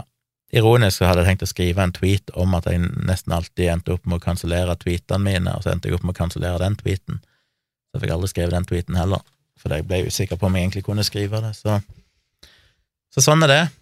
Eh, og det har ikke noe med politisk korrekthet og eh, at folk reagerer. Det er ikke noe med at jeg er redd for å stå for meningene mine. Det er bare det at jeg er usikker på om jeg egentlig har rett i det jeg sier, er litt av problemet. Det største problemet er at jeg tenker at åh, det kommer til å komme så mye idiotiske tilbakemeldinger som jeg ikke orker å forholde meg til. Det er ikke verdt å ta den debatten. Det er bedre å bare irritere meg over det, så jeg må jo ikke nødvendigvis fortelle hele verden at jeg irriterer meg over det. Så det blir oftere og oftere sånn. Men jeg begynte å skrive en tekst, og den var litt inspirert av en eh, bloggpost som jeg tenkte jeg skulle Tror jeg må lese den inn som en bonuspodkast. Så hvis dere er patron, så dukker den opp på Patron eh, om ikke så lenge. Der jeg leser inn Men det er en, en gammel bloggpost jeg skrev i 2016, der jeg skrev litt om dette med den kollektive moralen, hvor fort den kan endre seg, og bruker da eksempler som alle kan kjenne seg igjen i, som, som røyking. At det skal ikke så veldig langt tilbake, noen tiår tilbake, før du kunne røyke på fly, du kunne røyke på busser, leger satt og røykte, folk satt på venterommet til tannlegen og røykte, alt dette her. Og så ble det jo det mindre og mindre vanlig og mindre akseptert og ulovlig, men fortsatt så kunne du gå ut på puber og barer og restauranter og sitte og røyke, og så kom denne røykeloven. Og så nesten over natta, i løpet av sjokkerende kort tid, ett, kanskje maks to år, så var det ikke bare det at, at røykeloven ble innført da folk slutta å røyke fordi det ikke var lov lenger på sånne plasser, men det ble umoralsk å gjøre det. Plutselig så var det sånn, jeg mener, bare tenk deg i dag, nå har jo gått ganske mange år, men bare tenk i dag, hvis du hadde fyrt opp en sigarett inne på en pub, iallfall inne på en restaurant, så hadde ikke folk primært reagert bare fordi at oi, men det er jo ikke lovlig, eller det er eventuelt farlig for andre. De hadde reagert moralsk, som at Jesus, hva er det for en fyr, hva, er det han feiler, eller hun? Så det er annet, det er fascinerende med at noe som bare virker helt naturlig, for noen tiår siden, plutselig bare føles fullstendig feil relativt kort tid seinere, blant annet på grunn av en lovendring, som òg sier mye om at denne moralfølelsen vi har, som mange tenker til en viss grad uavhengig av lover og regler, en slags universelle sannheter eller noe sånt, er jo selvfølgelig i stor grad påvirka av samfunnet og hva vi er vant med. Så det trekker jeg jo til det ekstreme i denne bloggposten, da, med noen eksempler fra andre kulturer som gjør ting som vi ville sett på som ekstremt ulovlig og problematisk, men som for dem er helt normalt. Eh, og selvfølgelig er ikke de noe dårligere mennesker nødvendigvis av den grunn. Eh, det er selvfølgelig en stor eh, stor asterisk ved akkurat den påstanden, for jeg vil jo definitivt si at det er mye som blir gjort i andre kulturer og sånn òg, som vi må kunne si er, er dårlig. Det er ikke sånn at det å kaste homofile ut forbi husvegger eller skyskraper, holdt jeg på eller høyhus, er greit bare fordi at ja, ja, men det er deres kultur. Det er ikke det jeg mener. Noen ting er jo objektivt rett og galt. Eh, men det er en stor debatt, skal ikke dra inn på den. Men røyking er én ting. Samme med bilbelte. Når jeg vokste opp, så var det jo aldri noe bilbeltebruk i baksetet. Det fantes ikke engang, fantes ikke engang bilbelter i baksetene. Vi lå og slang bak i bagasjerommet og alt når vi kjørte nedover i Europa, biltferie i Europa og sånne ting. Helt uakseptabelt i dag. Uh, ja, så jeg skriver litt om sånne ting, og så skriver jeg litt ja, Selvfølgelig kan du gå tilbake til rasisme og kvinneundertrykking og hvordan homofili var kriminalisert fram til tidlig 70-tallet, og, så blir jeg jo alltid så hårreisende Ikke hårreisende, det er feil ord. Jeg blir så et eller annet forbanna. Når du sånn helt folk helt seriøst eh, skriver sånn at hvis jeg hadde levd i 1850, så hadde ikke jeg vært rasist, eller hvis jeg hadde levd i 1850, så hadde jeg hatt et eh, Da hadde jeg ønska at kvinner skulle være likestilt menn. Det er sånn Nei, det hadde du sannsynligvis ikke. Det er så helt fascinerende at folk ikke skjønner. Igjen da tilbake igjen til det at moral er et, i all hovedsak et produkt av den tid du lever i. Og derfor er det komplisert å fordømme andre for dårlig moral, hvis det er alt de vet. Det er komplisert å fordømme noen som levde for 100 år siden, eller 150 år siden, for at de hadde rasistiske tanker. Eh, det betyr selvfølgelig ikke at alle var rasister, heldigvis var det jo mange som ikke var det. Mange som skjønte at eh, alle er like mye verdt, og vi kan ikke drive på sånn. Om det var jeg ikke har data på dette og kan sånn sett for lite om det, hvordan det var i forhold til for eksempel kvinnesyn og synet på homofile, da tror jeg vel Muligens det var enda vanskeligere. Jeg vil nesten innbille meg at folk som Nå spekulerer jeg bare, men at det kanskje var vanligere at det fantes flere som skjønte at rasisme var galt allerede for ganske lenge siden, enn folk som skjønte at kvinner burde ha samme rettigheter som menn, eller iallfall at homofile burde ha samme rettigheter som alle andre. Vil jeg kanskje tro satt lenger inne, nesten, men det vet jeg ikke.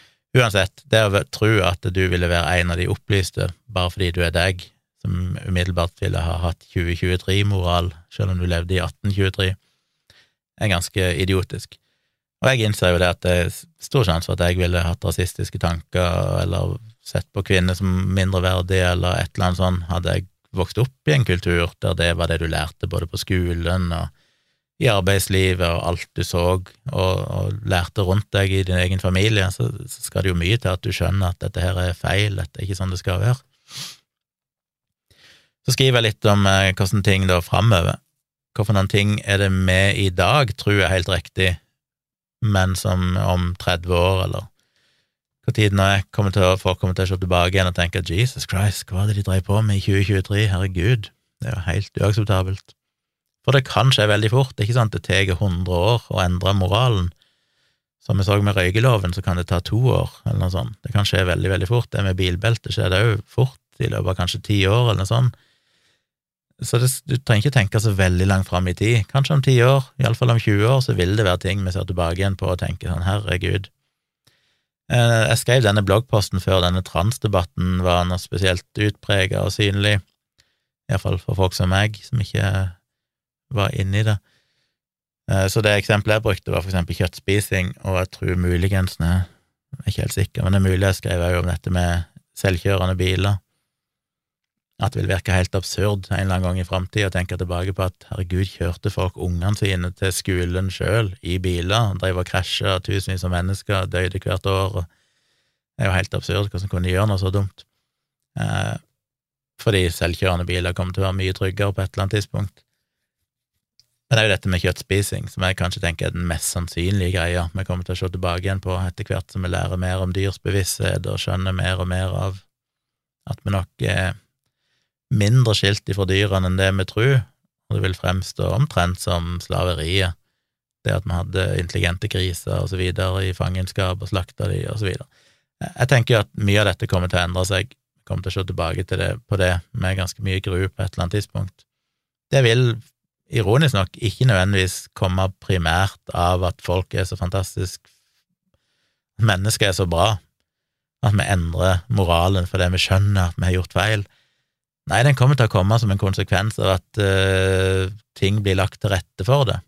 Den kollektive moralen kommer ikke til å endre seg på området med kjøtt og sånn før du faktisk har gode nok kjøttalternativer.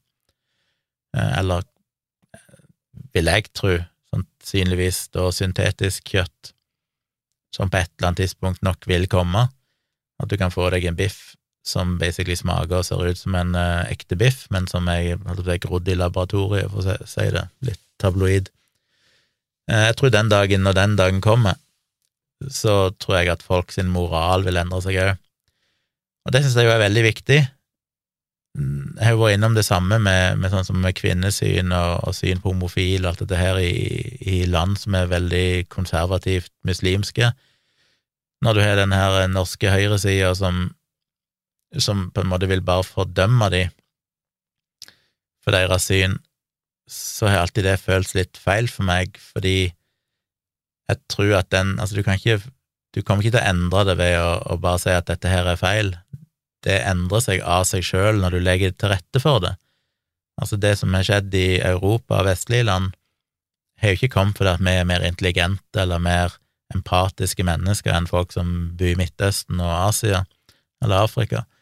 Det er jo fordi vi har hatt en teknologi og en, kult, og en eh, Det har vært en del ting som er blitt lagt til grunn, da, økonomisk levestandard og sånn, som har gjort det mulig, i tillegg til selvfølgelig noen viktige personer og, kamper som er blitt ført, selvfølgelig, som har liksom brutt gjennom noen barrierer.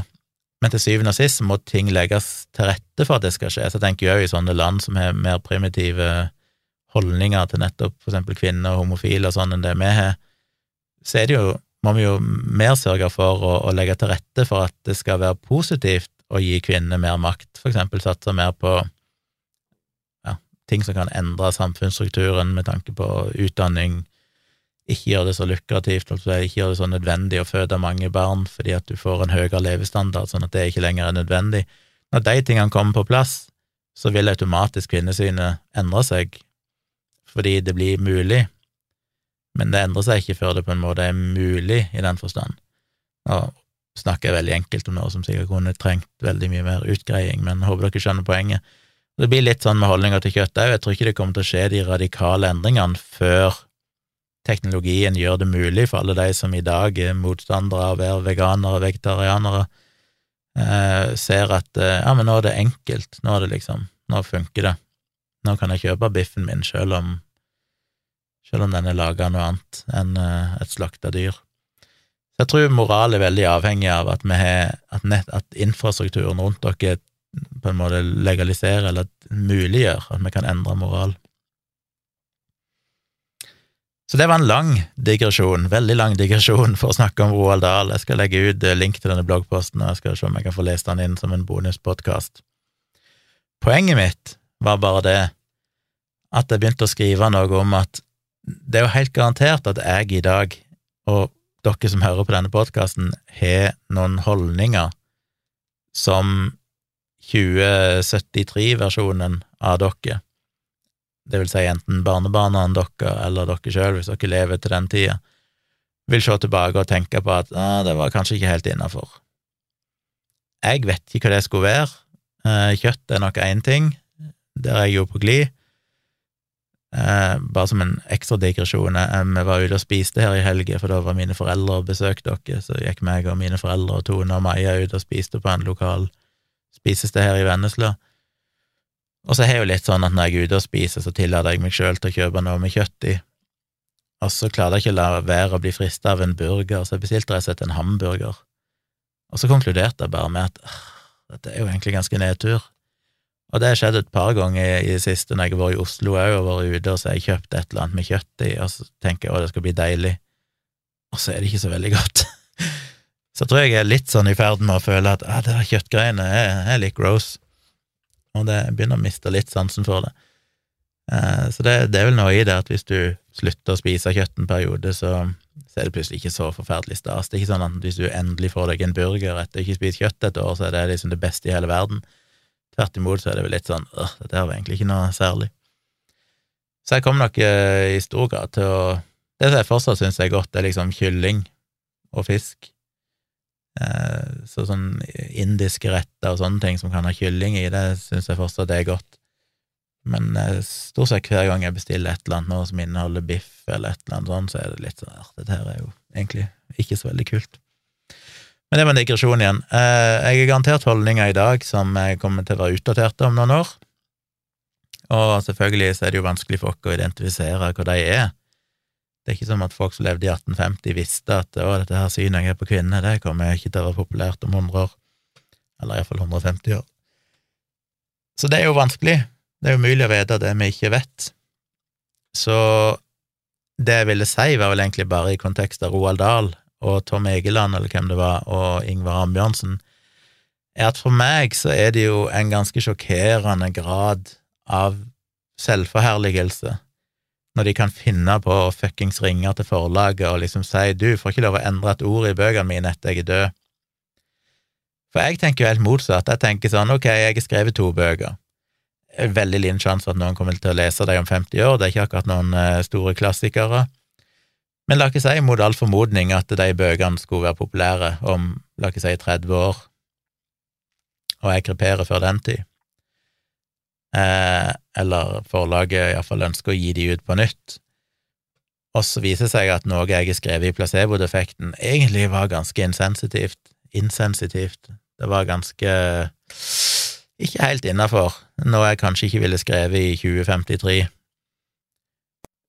Skal jeg virkelig være den personen som sier sånn nei, men jeg skrev jo det, og eh, dette må dere bare la stå?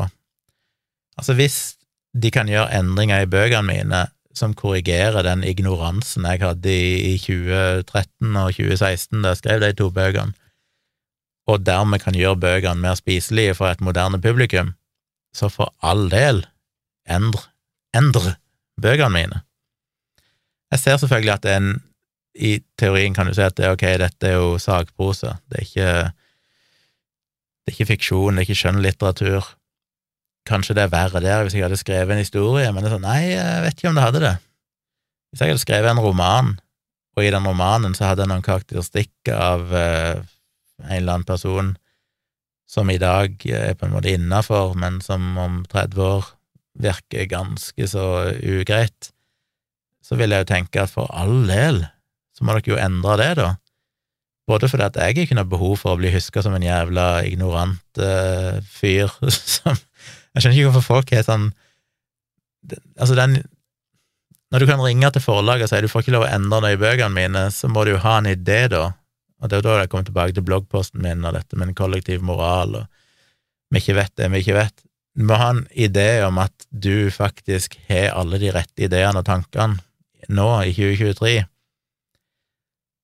og at det som eventuelt måtte skje av endringer i holdninger sånn i framtida, per definisjon er feil, for det er det, det er det, vi mener nå, som er det rette.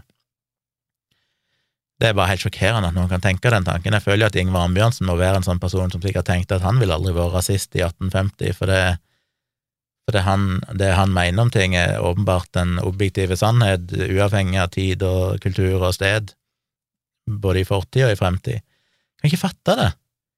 Hvis, hvis han har skrevet ting som om noen tiår blir oppfatta som helt uspiselig, og dermed så gidder egentlig ikke forlagene gi ut bøkene, og folk ikke har særlig lyst til å lese det, hvem i all verden skal vinne på det? Ikke bare vil du da sannsynligvis ha skrevet et språk som vil oppleves ubehagelig for enkelte mennesker å lese, altså du indirekte da i går så vil skade folk, hvorfor vil du ønske det?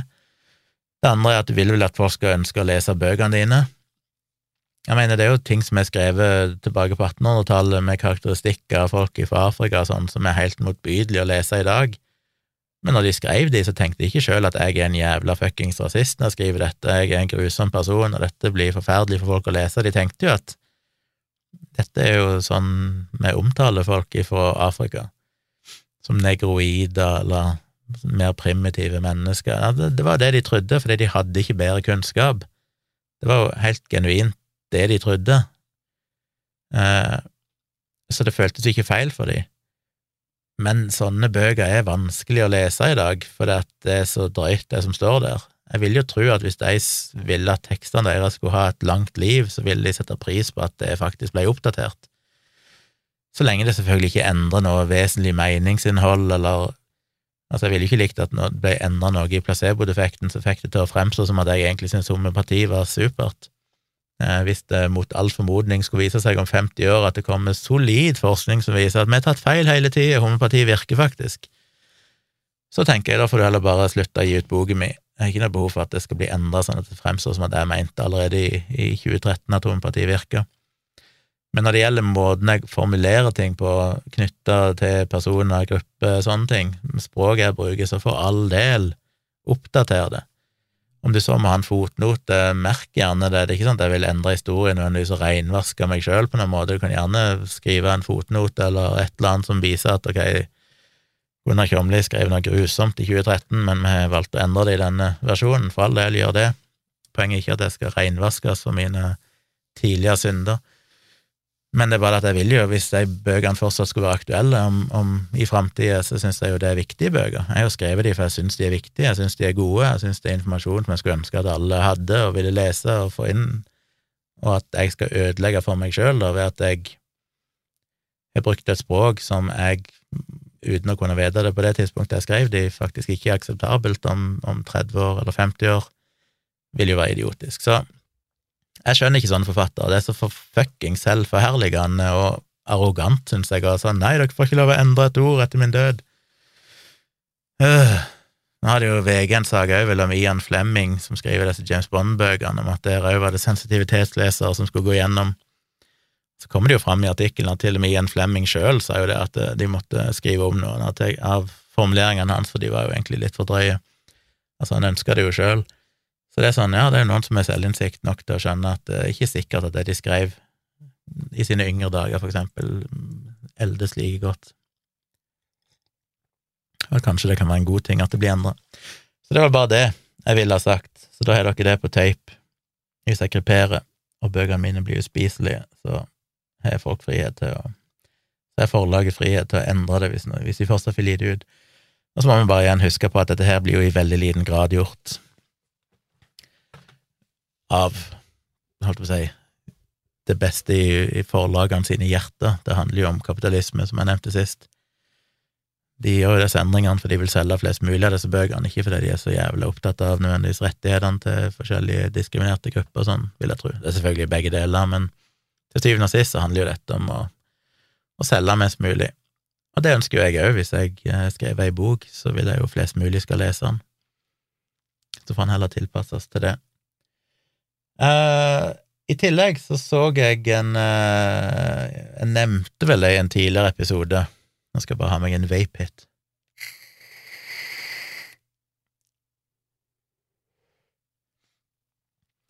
Håper dere fikk reklame akkurat der. jeg nevnte vel tidligere at det skulle være sånn temamøte om medisinsk cannabis i regi av uh, Foreningen for tryggere ruspolitikk, eller noe sånt, tror jeg det var som står bak det. Foreningen for en tryggere ruspolitikk. Ja, det er de som driver det rusreformgreiene. Jeg er jo medlem der, betaler et sånt støttemedlemskap, en årlig kontingent, fordi jeg er, jeg er pro avkriminalisering, og egentlig da helst legalisering av Igjen, det er komplisert, og det er forskjellige rusmidler krever forskjellige måter å håndtere det på, men generelt sett at det skal være mer tilgjengelig, av mange grunner, fordi det blir tryggere for brukerne. Eh, men ikke opp med å behandle folk som er avhengige, som eh, kriminelle, men heller som eh, syke eller pasienter som trenger hjelp. Det blir mindre forurensning av narkotiske stoffer og sånn, sånn at det blir tryggere å bruke, som sagt, mindre helseskader. Fjerne mye grunnlag for kriminalitet, videre. Det er mange grunner. Jeg ønsker at folk skal bruke det minst mulig. Jeg bruker det ikke sjøl. Syns egentlig det er ganske dølt å bruke rusmidler, inklusiv alkohol i stor grad. Men det er meg. Folk får gjøre hva de vil. Jeg syns ikke det er så veldig kult. Um, hva jeg skal si Men jeg betaler støttemedlemskap sjøl om Jeg betalte det nettopp nå, jeg fikk en sånn uh, e-postgreie med at jeg måtte betale på nytt, så gjorde jeg det, da. Men det var litt sånn med bismak, fordi jeg sliter litt med å akseptere Jeg føler de Jeg har jo rant om dette før, men ja, jeg er for den kampen de driver for opplysning og kampen for avkriminalisering og sånn, men de har litt for lettvint forhold til bruken av medisinsk cannabis og for så vidt en viss grad psykedelika. Ikke fordi jeg ikke tror det kan ha en effekt, iallfall psykedelika, jeg snakka om tidligere, men at måten de promoterer det på, er basically identisk med folk som promoterer homopati og akupunktur og så videre. Så de hadde jo et sånt temamøte her for noen uker siden, jeg tror det var på Kulturhuset eller noe sånt i Oslo, jeg hadde egentlig lyst til å være der, men jeg hadde ikke mulighet. Eh, men det lå et opptak av det på Facebook, jeg skal se om jeg kan lenke til den hvis dere har lyst til å se det. Det er en sånn to timers eh, seanse. Da det først er et panel bestående av forskjellige folk som eh, svarer på litt spørsmål og sier litt om hva de mener om saken. Og så blir det åpna for litt spørsmål fra salen, og så på slutten så er det noen politikere fra MDG, Ap, noe sånt, som diskuterer litt av litt sånn mer politiske greiene rundt det, rundt uh, bruken og legalisering og tilgjengeligheten av medisinsk cannabis, som var da spesifikt det de diskuterte. Og som jeg forventa, før jeg hadde sett det, så ble jeg ganske irritert av å se den debatten, og gjør at jeg mister litt sånn tilliten til det her tryggere ruspolitikk. For det første så var det jo ingen kritiske røster i dette panelet. Det sitter bare en gjeng med folk som alle er superpositive til at, eh, at vi må legalisere cannabis til medisinsk behandling, gjøre det lettere tilgjengelig, og så videre. Og det syns jeg jo ikke er så kult. Jeg savna jo virkelig noen kritiske innspill. En av de som satt i panelet der, var jo Hun driver Hun kaller seg for Doktor Mumbi. Hun heter vel Mumbi til etternavn og driver en sånn egen privat klinikk der hun har et mer helhetlig syn på helse. Hun er utdanna lege og så videre, men hun har selvfølgelig òg tatt en eh, videreutdannelse i funksjonell medisin, som jo basically er bullshit, og i tillegg har jeg selvfølgelig studert akupunktur. Holdt hun til på Nesodden på toppen av det hele? Det, det hadde ikke overraska meg. Men, eh, men hun jobber jo ved Emma Sofia-klinikken i Oslo og Bergen, og som lege ved Eika-klinikken, og det er jo sånne klinikker som driver med, med behandling da, med rusmidler. Eh, så det er jo så greit nok. Men det er litt sånn typisk at du har en veldig alternativ lege der, og det var ikke så overraskende, for det selv om de andre som var i panelet, var i stor grad seriøse folk med tung faglig bakgrunn, så var det en del sånn tråder som gikk igjen som irriterte meg. Det ene var jo at de sa jo veldig tydelig, heldigvis, det nevnte jeg vel sist jeg nevnte dette temamøtet, jeg husker ikke om det var i podkast eller i livestream, så sa jeg jeg håper de er i stand til å skjønne at det er ikke noe god evidens for at cannabis virker mot noen ting, ikke mot smerte heller. Og det var de heldigvis enige om. Det ble egentlig trukket fram gang på gang at uh, hvis vi ser på den vitenskapelige forskningen, så er det jo egentlig ikke noe data som viser at dette fungerer. Problemet er jo at den konklusjonen de i stor grad har, er jo ikke da at eh, derfor så virker det mest sannsynlig ikke. Konklusjonen er derimot at eh, derfor må vi teste det på andre måter. Det er noe galt med forskningen. Vi kan ikke bruke RCT-er, altså randomiserte, kontrollerte studier, til å teste dette. Og det er jo selvfølgelig et snev av, av sannhet i det, for det argumentet er at når du gjør den type studier, kontrollerte studier, der du har ei gruppe som da får en eller annen cannabisbasert medisin, og så er det ei gruppe som får placebo, og så ser du til slutt liksom hvorfor ei gruppe, eller hva er effekten i de forskjellige gruppene, så kan det være at det var noen individer som faktisk hadde reell nytte av det, men fordi sånne studier på en måte ser på et slags gjennomsnitt av effekten, så drukner det litt da i, i mengden av alle som ikke opplevde noen effekt. Hvis de aller fleste ikke opplevde noe, så vil liksom konklusjonen være at nei, dette virker ikke. Og det kan jeg selvfølgelig si, men det kan jeg jo si om alt. Så det som var mantraet her, var jo at det er kanskje en liten subgruppe som faktisk har reell nytte av det, og selvfølgelig hadde de med en som var eh, representerte en sånn norsk smerteforening eller noe sånt, som hadde slitt med kroniske smerter og blitt pumpa full av alle former for smertestillende opiater sånn i alle år, til han utvikla enorme reaksjoner på det. Og så fikk han mulighet til å prøve noen cannabisprodukter, og så hadde det endra hele livet hans. Selvfølgelig er det sånne glanshistorier. Problemet er at vi vet jo ikke om det betyr at det virker for han, og folk hater jo å høre det.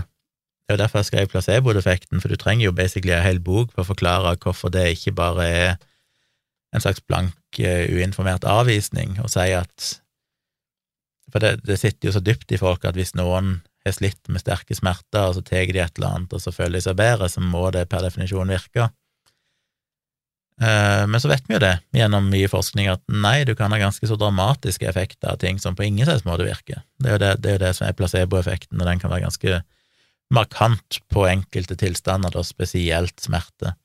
Og dette har jeg snakka mye om tidligere, og viste disse tidligere metaanalysene på cannabis mot smerte og kronisk smerte og nevropatisk smerte, som viser at dette her finner ingen effekt, og tvert imot så virker i noen tilfeller placebo bedre enn cannabis. Så jeg blir litt sånn oppgitt, for det er sånn, ok, eh, altså det er det ene. Det andre er jo det at jeg har jo sagt så mange ganger her i podkasten og i andre sammenhenger at det farligste en lege kan si, er 'according to my experience'. Men det var det som gikk igjen hele tida her, at ja, men jeg som lege, jeg ser jo at det er pasienter som kommer inn, og de har stor nytte av dette, og det er sånn, men det betyr ingen fuckings ting, for du vet jo ikke, akkurat som jeg snakka i stad om nikotinen, jeg vet jo ikke om det er vapinga som påvirker pulsen min, eller om det er det at jeg vaper fordi jeg er mer stressa. Jo mer stressa jeg er, jo mer vaper jeg, og så er det egentlig stresset som gjør det.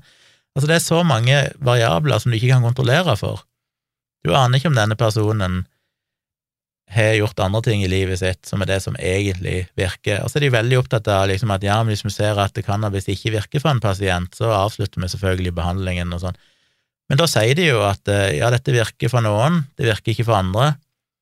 I de tilfellene de ser det virker, så velger de å fortsette. Men da he, vi vet jo at placebo virker for en viss prosentandel, så hvordan i verden vet de da at det har noen ting som helst med cannabisen å gjøre? Og hvis du da skal si sånn som han eh, ene legen, hva heter, Stuphaug eller et eller annet fra et eller annet sykehus i Oslo som jobber med en sånn leder på en eller annen smerteklinikk, som snakker om at vi må kanskje se på disse, denne subgruppa, denne prosentandelen som kanskje responderer positivt. Men hvordan i all verden kan de gjøre det?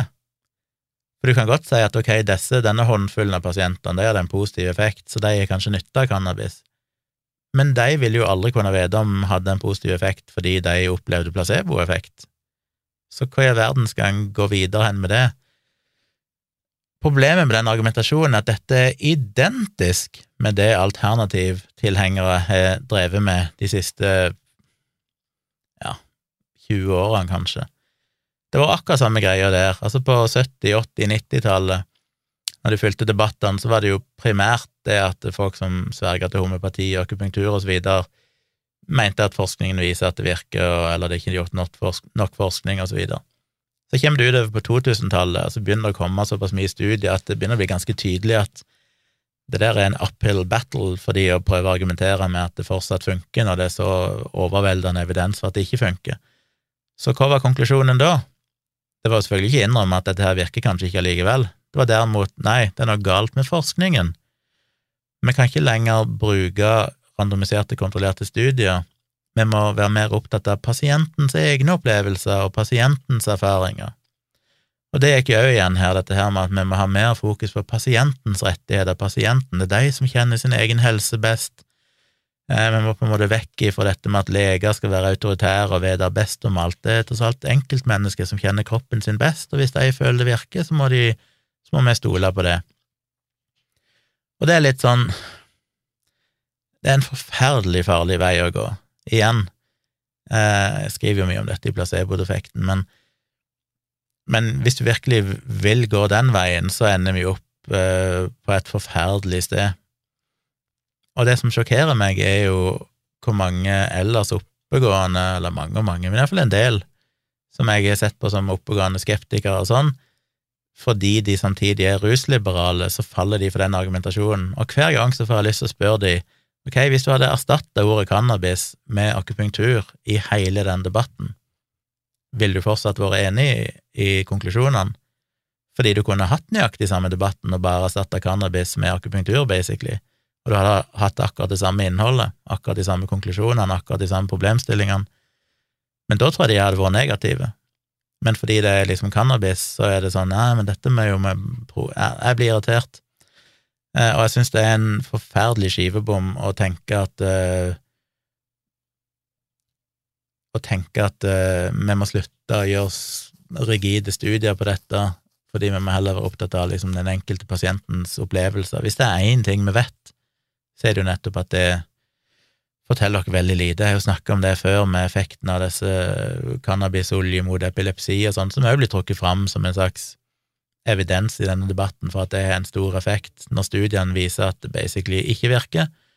Og som jeg har sagt, det ser ut til å virke bedre jo mer ulovlig cannabisoljen er, jo vanskeligere det er å få tak på den. Med en gang den er lett å få tak på, så har det ikke noe særlig effekt, eller ingen effekt lenger, for da må du ikke investere så mye i å få tak på det, og dermed forsvinner mye av den, de forventningene du har dette er jo veldig tett knytta sammen med placeboeffekt. Sammen med hvis du bruker penger på en behandling, så får du en større placeboeffekt enn om du bare får den gratis.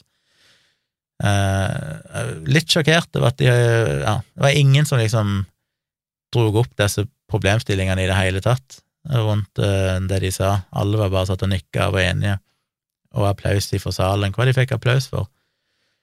Det var en plass jeg noterte meg uh, Ja, det var en av de som da sa at det uh, er viktigere med pasientens erfaring enn hva studier viser, og det var en av de få gangene det kom applaus fra salen, hele salen klappa. Og det er sånn, herregud, jeg hadde fått hjerneinfarkt av å være til stede der. Selvfølgelig var det en i publikum òg som prøvde å trekke inn covid-vaksiner, som noe forferdelig, eh, som òg sier litt om publikum. Jeg tror det var Det er jo ikke et publikum, altså de som møter opp på en sånn ting, er jo generelt sett ikke de folkene jeg tror jeg har mest til felles med. Det er ikke folk som er veldig opptatt av Jeg tror nok det er mye Nesodden-hippier og, og greier som nok helst ville at vi skulle ha skota all eh, evidensbasert medisin og behandle alt med homopati og cannabis. Og det provoserer meg. Når de da klapper for at vi må ha mer fokus på pasientens erfaring enn hva studier viser. Og der fuckings doktor Mumbo sitter og forteller det at når jeg finner en pasient som føler at cannabis virker for deg, så er det vel revnende likegyldig om det finnes tusen studier som viser at det ikke virker. Nei, det er jo ikke det. Skal du virkelig bruke den argumentasjonen, så kan du jo tilby de fuckings krystallhealing eller homopati eller whatever. Det er jo nettopp det vi ikke må, den veien må vi ikke gå. Så ja, jeg ble ganske deprimert, og den debatten egentlig bekrefta jo alle de fordommene jeg hadde før jeg så han, det jeg frykta at, uh, at, det skulle bli. Så må jeg jo bare presisere at jeg er for at det skal være enklere for pasienter å bruke cannabisprodukter hvis de føler at det hjelper dem, på samme måte som jeg ikke vil at det skal være ulovlig å bruke akupunktur eller homopati. Eh, så jeg er helt enig i at rent politisk og sånn, så var jeg enig med panelet i at det er riktig vei å gå, fordi grunnen til at ikke pasienter får bruke det, er jo i stor grad et stigma mot, mot rusmidler og en ganske ulogisk politikk som er ført på det området, der du kan nekte noen å bruke cannabis som, selv om det på ingen slags måte er risikofritt, så er det vesentlig mindre farlig enn å pumpe i seg selv med opioider og, og, mye farligere ting som leger har full lov til å forskrive. Eh, så det er jeg 100 for, men det er et veldig stort sprang ifra det til at legene sjøl, behandleren sjøl, skal sitte og snakke som om dette faktisk har effekt, og at dette er viktig å bruke, og så videre. At de undergraver viktigheten av evidens og forskning. Det er to helt forskjellige ting, men det ble jo veldig sausa sammen i den debatten. Det virker som at de basically mener at det er samme sak. Uh, ja. Så det var mye mas om erfaringsbasert behandling og, og pasientrettigheter og sånn som irriterer meg. Litt satt på spissen, jeg skjønner at det er nyanser der òg. Kunne sikkert snakka mye mer om det. Har du spørsmål, send mail til tompratpodkast.gmail.com hvis du har tanker om dette, innsigelser, ting du vil jeg skal snakke om ting du føler jeg var utydelig på, så snakker jeg gjerne mer om det. Send mail. Men ja, eh, det kommer ikke fram i, i selve debatten her, men inne på den Facebook-sida til Foreningen for en tryggere ruspolitikk, så var det jo selvfølgelig noen som drev og, og skrev om at å, myndighetene er forbudt naturen og bla, bla, bla. Det er jo det evige argumentet til cannabistilhengere om at ja, men dette cannabisplanten er jo en naturlig plante som vokser, alle kan dyrke sjøl, myndighetene har ikke rett til å forby den. Og da blir jeg òg bare så forbanna, for det er sånn, kan, kan, du noen ting som helst om plantemedisin? Tror du virkelig at plantemedisin er ufarlig, at vi bør bare ha det fritt fram? Jeg mener, det er, er, plantemedisin i Norge som er ulovlig fordi det viser seg at det eksempel fører til kreft i nyrene når du bruker det. Det er det jo ingen som vil merke hvis de bruker det. det vil, de vil jo hevde at dette er bivirkningsfritt, og jeg har aldri tatt skade av det. 20 år seinere er de nyrekreft og kryperer. Eh, det er jo en grunn til at vi faktisk tester disse tingene, at vi har systematisk undersøkelse for å avdekke bivirkninger videre. Det er ikke noe enkeltpersoner kan finne ut bare med å kjenne på sin egen kropp. En bivirkning er ikke nødvendigvis bare noe du kjenner der og da, det kan være noe som utvikler seg over veldig lang tid. Så det er en grunn til at vi regulerer disse plantene. Når vi forbyr en, en plante, en urt, som fører til kreft, så kan du like godt bruke argumentet med at ja, men dette er jo planter, vi kan ikke forby det, la nå folk få lov å kjøpe dette hvis de vil. Ja, ok. Eh, jeg tror ikke det er den verden jeg vil leve i. Jeg er veldig glad for at hvis jeg skulle lese et eller annet sted at denne urten kan helbrede min uh, influensa, og, og var en person som hadde en tendens til å tro på det, og dermed tenker dette skal jeg kjøpe, så er det kanskje greit at myndighetene sier at mm, du bør kanskje òg vite at dette fører til kreft hvis du bruker det. Derfor så får du faktisk ikke lov å kjøpe det fra en eller annen nettbutikk i Kina. Så nei, de argumentene er ekstremt provoserende, den ideen om at bare fordi det er naturlig, så bør det være lovlig. Igjen, jeg blogga mye om det, skrev om de placebo-defektene, jeg snakket om det før, hvor mye av plantemedisinen som faktisk ender opp som medisin, eh, lege, eh, ja, legemiddel, men da er det blitt testa en eh, eventuelt modifisert molekyl, en eh, trukket ut de stoffene som virker, og fjerna de som skader, eller reduserer effekten. Altså det er mye som er gjort med det for at det skal bli tryggest, mest mulig effektivt, videre. Det er ikke sånn at det å bare tygge et blad nødvendigvis er den beste måten å få i seg virkestoffene ifra det bladet på. Men det var nå for så vidt eh, litt på sida. Men jeg måtte bare dele litt tanker om den eh, debatten, for den irriterte meg. Jeg er skuffa over at det var så lite kritiske røster. Jeg er skuffa over at det var så lite forståelse i panelet for, eh, for problemene med å fokusere på at pasienten kjenner sin egen kropp best, og hvis de føler at noe virker, så må jeg som lege gjøre alt jeg kan for å tilby det til dem. Igjen kan sikkert ha en stor debatt om eh, viktigheten av, eller nytteeffekten av placebo når det gjelder nettopp smerte og kvalme og sånne ting, det har jeg snakket om tidligere. Du kan sikkert gjøre et argument for at ja, ja, så lenge det føles som at det virker, så er vel det godt nok, og det er jeg for så vidt enig i, men da er du plutselig inne på det at da sier du at ok, placebo er greit nok, som igjen er en veldig farlig vei å gå, som jeg skriver om i placebo-defekten, der jeg forklarer veldig tydelig hvorfor det er en farlig vei å gå, hvor mye negative konsekvenser det vil kunne ha og så videre. Skal ikke snakke mer om det, det blir altfor mye hvis jeg skal gå inn i alle detaljer, men det var litt av mine tanker, og jeg merker at jeg sliter litt med å, å ta de folkene seriøst når debatten går på det nivået der. De, det, det er hyklerisk å, å være så avvisende til alternativ behandling og samtidig ta så lett på forskningen med en gang det gjelder noe som handler om narkotiske stoffer, bare fordi at du er rusliberal. Eh, jeg så òg forresten til slutt en eh, artikkel der eh, der administrerende direktør, eller CEO, i Signal, denne chat-appen, krypterte chat-appen, hadde sagt at we thousand percent, a thousand percent won't participate hvis eh, britene endrer loven for å fjerne kryptering. Eh, for det er jo en, eh, noe som pågår i blant annet England nå, det har vært mye debatt om det flere steder i verden. Dette med at krypterte chat-apper er et problem, for det teknisk sett så kan jeg sitte og sende barneporno til noen andre, eller jeg kan sitte og planlegge en terrorhandling, og det er umulig for tjenesteleverandørene å vite det, eller myndighetene, fordi dette er ende-til-ende-kryptert, altså det er klientside-kryptert, det vil si at når jeg bruker Signal, så blir det generert et passord, eller jeg oppgir jo et passord sjøl, som blir brukt til å, kryptere alle meldingene allerede før de forlater telefonen min. Eh, så selv når det går fra min telefon til serverne til den som drifter tjenesten, og så går videre til mottakeren, så kan ikke de som drifter serveren, dekryptere meldingene, fordi de har ikke noe passord, de har ikke dekrypteringsnøkkelen. Eh, og det synes jo selvfølgelig noen er et stort problem, for da kan de teknisk sett ikke skanne meldinger, finne ut om jeg planlegger noe ulovlig, sender ulovlig innhold, og så videre. Så i England så er det dette her klassiske med Think about the children.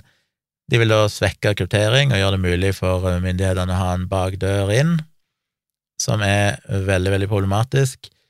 Eh, en av måtene å løse dette på, det er at det fortsatt er ende-til-ende-kryptert, men at en kopi av krypteringsnøkkelen som du har, blir på en måte laga på et slags sikkert sted som bare myndighetene kan få tilgang til hvis de har en rettsordre og, og sånn, som skal liksom høres bra ut sånn, ja, ingen som kan lese meldingene dine med mindre det foreligger en, en rettskraftig Hva kalles det?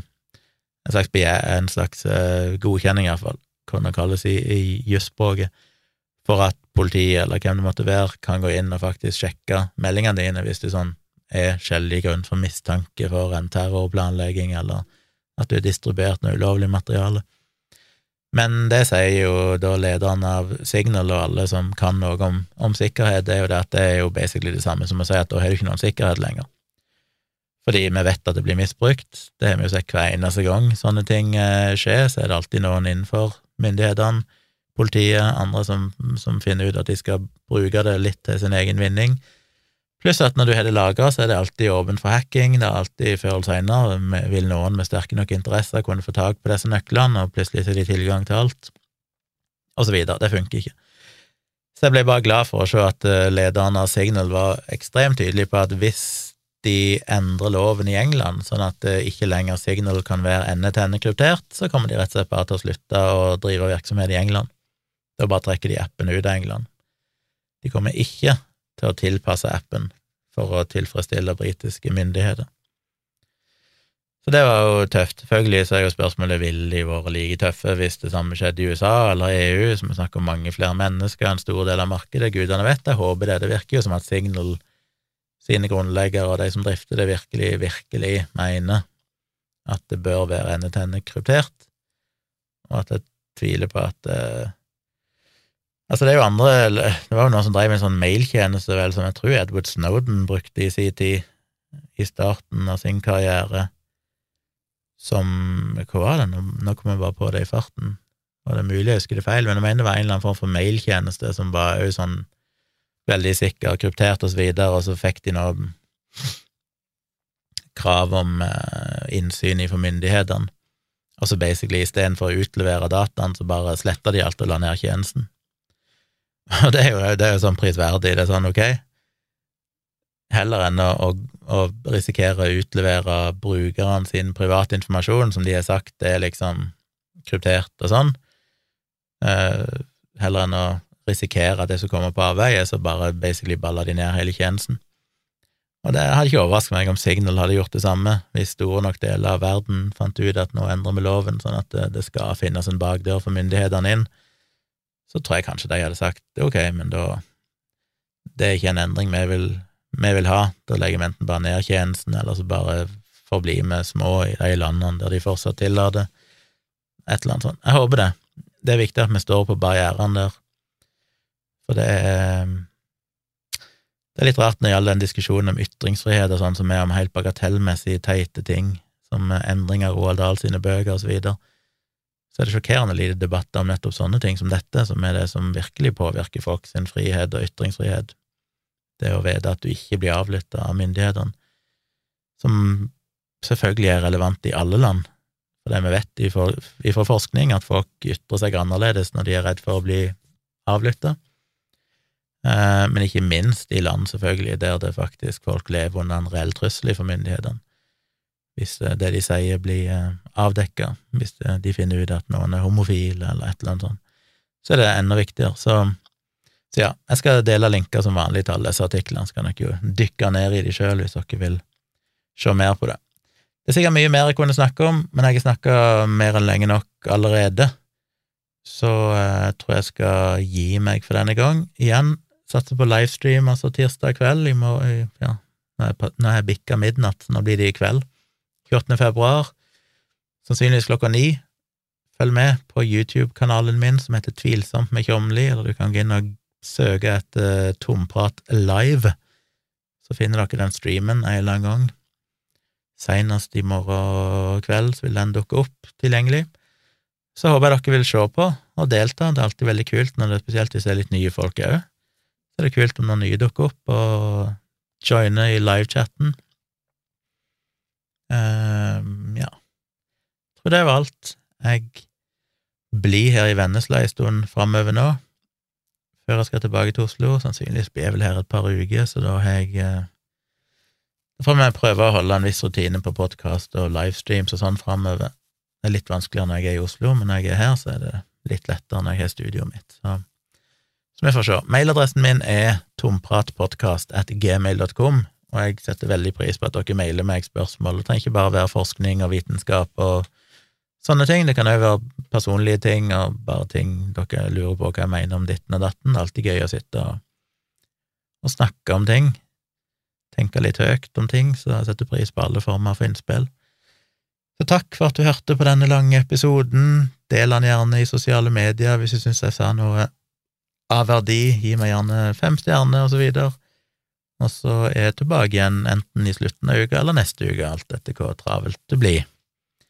Vi høres, vi snakkes, og ha en god begynnelse på mars, som vi får kalle ha en god vår.